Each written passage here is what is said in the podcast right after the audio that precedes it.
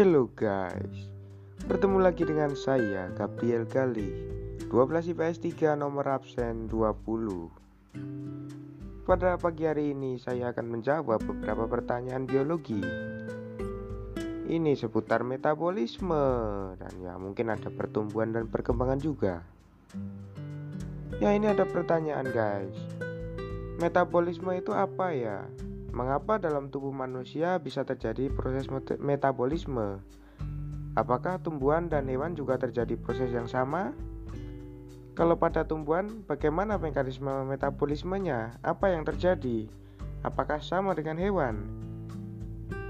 Saya mau menjawab dulu, guys.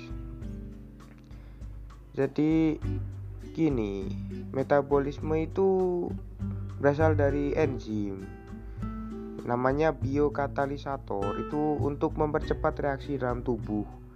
Tapi itu yang lebih dominan itu proteinnya gitu kan. Nah tentang strukturnya itu ada dua. Yang haloenzim itu kan ada apoenzim atau yang isinya protein sama gugus prostritik itu isinya koenzim dan kofaktor. Sementara dari sifat atau ciri enzim itu sendiri juga ini ada lima. Yang pertama itu tidak ikut bereaksi walau mempercepat reaksi. Enzim menurunkan energi aktivitas sehingga proses reaksi menjadi lebih cepat. Energi aktivitas adalah energi minimal yang diperlukan substrat untuk melakukan reaksi kimia. Kemudian yang kedua pada waktu suhu tinggi akan mengalami denutari denut denaturasi atau rusak dan pada waktu suhu dingin akan mengalami koagulasi atau tidak aktif. Spesifik di mana satu substrat memiliki satu enzim. Kemudian yang keempat, bekerja bolak-balik atau mengurai A menjadi B dan B akan dibentuk oleh A dengan bantuan enzim yang sama. Kemudian yang kelima, yang terakhir itu dari sifat dan cirinya itu jika enzim tidak rusak dapat dipakai berkali-kali. Nah, ini ada cara kerjanya, guys. Cara kerjanya itu tentang dua di sini. Ada yang namanya kunci dan gembok. Itu substrat akan menempel pada sisi aktif enzim itu. Jadi langsung menempel karena pas atau sama. Jadi langsung klop itu. Kayak apa ya? Kayak ya kayak tutup botol sama bagian yang buat minumnya gitu kan langsung klub gitu kan. Terus yang kedua itu ada induce fit gitu kan. Sisi aktif enzim akan berubah menyesuaikan substrat itu kan karena ya mungkin substratnya berbentuknya agak aneh gitu terus sisi aktif enzimnya bakalan berubah gitu. Terus dari faktor kerja enzim juga dipengaruhi dari enam ini. Ada suhu, pH air, inhibiti, inhibitor, konsentrasi substrat, konsentrasi enzim.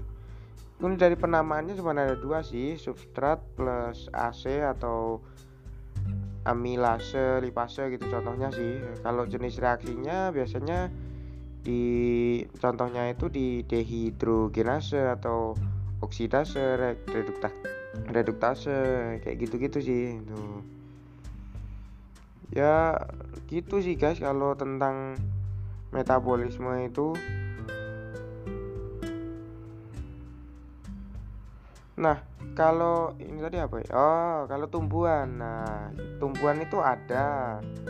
Uh, terus kemudian tapi proses metabolismenya itu kayak ya kayak pertumbuhan dan perkembangan gitu kan.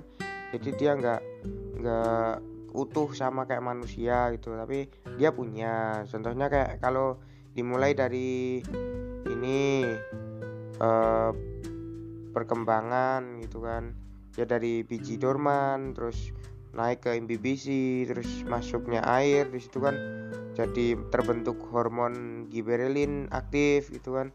Terus ada enzim inhidrolisis aktif lipasa milase protase yang terus itu kan nanti bakal memecah cadangan energi membuat biji berkecambah berbunga berbuah gitu kan. Kalau dari segi pertumbuhannya itu dari primer itu pada ujung akar dan batang sehingga memanjang oleh karena meristem apikal jadi dia akarnya bakal panjang terus oh, batangnya juga bakal jadi gede gitu kan. Terus yang sekunder itu kambium. Nah, kambium kan terus membelah itu kan. Jadi menentukan lingkaran di di tengah uh, kayu itu kan ada kayak lingkaran-lingkaran umur kayunya itu. Nah itu yang menentukan juga di situ tuh nah tapi kan guys kalau sama yang apa punyanya hewan itu ternyata beda di sini di sini pertumbuhan dan perkembangan hewan itu ada dua fase nih yang pertama fase embryonik itu diawali dari zigot. Hampir sama sih ini kalau man sama manusia tapi ya ada beberapa bedanya juga gitu. Diawali dari zigot gitu kan, hasil peleburan ovum dan sperma.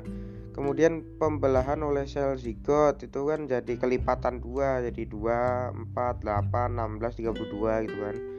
Terus morula itu hasil itu kan uh, hasil pembelahan sel yang yang ke 32 yang jadi 32 itu namanya morula gitu kan. Nah dari morula ini berkembang menjadi blastula atau struktur berungga itu blastosol itu namanya lah. Itu. Nah dari blastosol ini kemudian terus berkembang eh, atau mengalami proses gastrulasi menjadi gastrula dan kemudian terbentuk tiga lapisan tubuh itu lapisan ektoderm, mesoderm sama endoderm gitu. Nah, lapisan ini akan berkembang menjadi organ yang namanya organogenesis gitu. Proses pembentukan organ ini. Nah, untuk ektoderm sendiri dia bakal jadi kulit dan syaraf. Kalau mesoderm itu jadi sistem sistem ekskresi produk reproduksi otot rangka kayak gitu. Terus kalau yang endoderm sistem pencernaan dan pernafasan. Ya di situ kalau sampai fase embrionik. Terus fase yang kedua itu fase embrionik itu ada metamorfosis itu rangkaian hidup hewan dengan perubahan skala gitu kan tapi dibagi dua di sini ada sempurna dan tidak sempurna. Yang sempurna itu disebut holometabola. Itu perubahan yang terjadi sangat mencolok dan berbeda jauh gitu kan. Contohnya kata kupu-kupu nyamuk itu tahapannya ya dari itu telur larva pupa imago itu kan. Terus yang tidak sempurna atau yang disebut hemimetabola itu kan perubahan yang terjadi tidak terlalu mencolok contohnya kayak belalang kecoa gitu nah tahapannya itu cuma tiga kali ini telur, nimfa sama imago itu guys. Nah, tapi di sini ada pertanyaan lagi nih, bagaimana bisa biji jagung yang kecil bisa menjadi tanaman jagung yang berukuran besar? Bagaimana proses yang terjadi pada pertumbuhan? Faktor internal dan eksternal apa saja yang mempengaruhi pertumbuhan dan perkembangan tanaman jagung ini? Ya, sama yang tadi udah dijelasin sih. Uh, kalau perkembangan itu dimulai dari biji dorman. Kemudian di biji dorman ini akan terjadi proses yang namanya imbibisi atau dia masuknya air. Jadi biji jagung mulai menyerap air gitu kan. Nah, dari masuknya air ini terus mengaktifkan hormon giberelin. Nah, dari hormon giberelin ini dia berproses mengaktifkan enzim hidrolisis atau ketiga enzim utama yaitu lipase, amilase, protase. Nah, ketika enzim ini memecah cadangan makanan menjadi energi dan kemudian membuat biji berkecambah, berbunga dan kemudian berlanjut menjadi berbuah, gitu kan. Kemudian dari segi pertumbuhan-tumbuhan itu yang pertama primer pertumbuhannya karena apa? Di ujung akar sama batang itu pasti ada meristem apikal. Nah, di situ yang menunjang untuk pertumbuhan e, memanjang, membesar dan lain sebagainya. Nah, ada ada option yang kedua sekunder. Ini meskipun tidak semua pohon punya, tapi beberapa memang punya yaitu kambium. Itu kambium terus membelah. Nah, dari pembelahan kambium ini di dalamnya akan muncul kayak lingkaran-lingkaran umur pada tahun pada pada pohonnya gitu. Ya itu sih kalau yang dari ini kalau biji jagung kan uh, dia tidak punya kambium jadi dia berhenti di primer dia punya meristem apikal yang untuk menjalarkan dan membesarkan batangnya itu. Terus ini lanjut ke pertanyaan lagi apa sih kepompong itu? Bagaimana bisa terjadi? Apa hanya kupu-kupu yang dalam daur hidupnya ada kepompong? Mengapa begitu ya? Itu.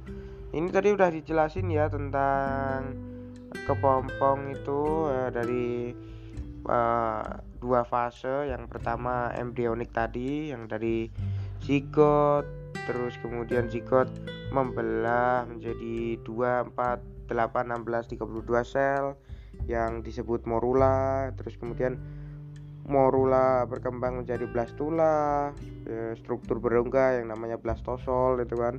Kemudian mengalami proses gastrulasi atau yang biasa dipanggil gastrula gitu kan. Terus terbentuk tiga lapisan ektoderm, mesoderm, endoderm gitu. Nah ektoderm sendiri itu membentuk kulit, syaraf, mesoderm sistem-sistem ekskresi, reproduksi otot rangka terus endoderm itu pencernaan dan pernafasan gitu. Terus ada fase yang kedua itu embrionik. Itu kan ya itu metamorfosis. Ya, ada dua di sini kan ya, yang pertama itu yang sempurna itu holometabola. Itu uh, perubahan yang terjadi yang sangat mencolok gitu kan. Contohnya ya itu tadi kupu-kupu itu tahapannya ya itu dia telur menetas. Lah dari telur itu dia berkembang jadi larva atau kayak ulat kecil gitu kan. Nah pada waktunya uh, larva ini akan kering dan menggantung. Nah dia di dalam uh, lapisan kulitnya memang kering tapi di dalamnya dia berkembang yaitu calon kupu-kupu gitu kan. Itu yang uh, setelah tahapan itu yang dinamakan kepompong atau pupa gitu. Nah setelah dirasa sudah cukup waktunya kepompong akan berusaha keluar dari cangkangnya itu tadi dan dia menjadi hewan imago atau hewan dewasa gitu. Sampai sampai ya kira-kira sampai dia bertelur lagi lah gitu.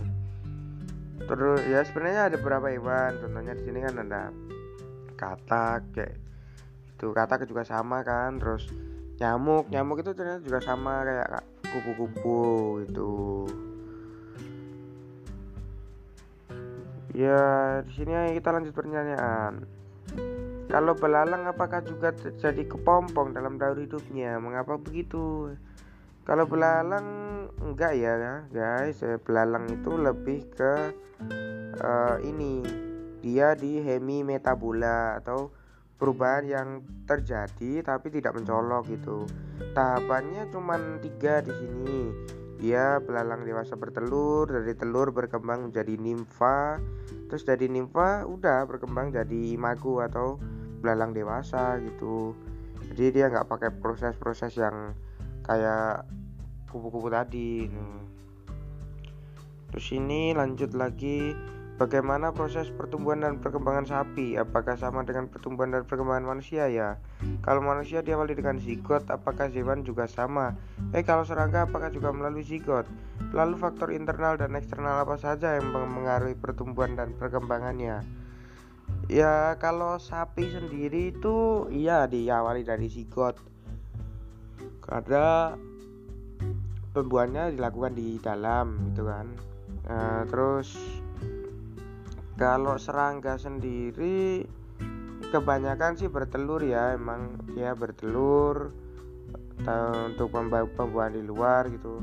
Faktor internal dan eksternal yang mempengaruhi kalau uh, internal ya jelas jaringan-jaringannya ya jaringan meristem jaringan ya banyak lah pokoknya jaringan-jaringan di dalam itunya itu sudah terbentuk apa belum sudah jadi apa belum gitu. Kalau sudah jadi pasti proses penyaluran energi penyaluran makanan itu pasti juga lancar gitu kan. Terus kemudian yang dari faktor eksternal ya itu ketersediaan air ketersediaan eh, makanan atau pupuk ketersediaan sinar matahari itu kan.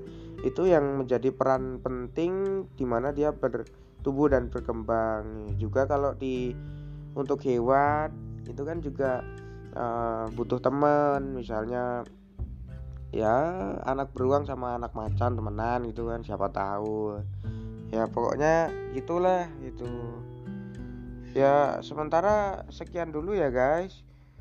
Uh, podcastnya Gabriel kali ini. Semoga bermanfaat bisa diterima. Oke sampai jumpa lain episode. See you next time. Bye bye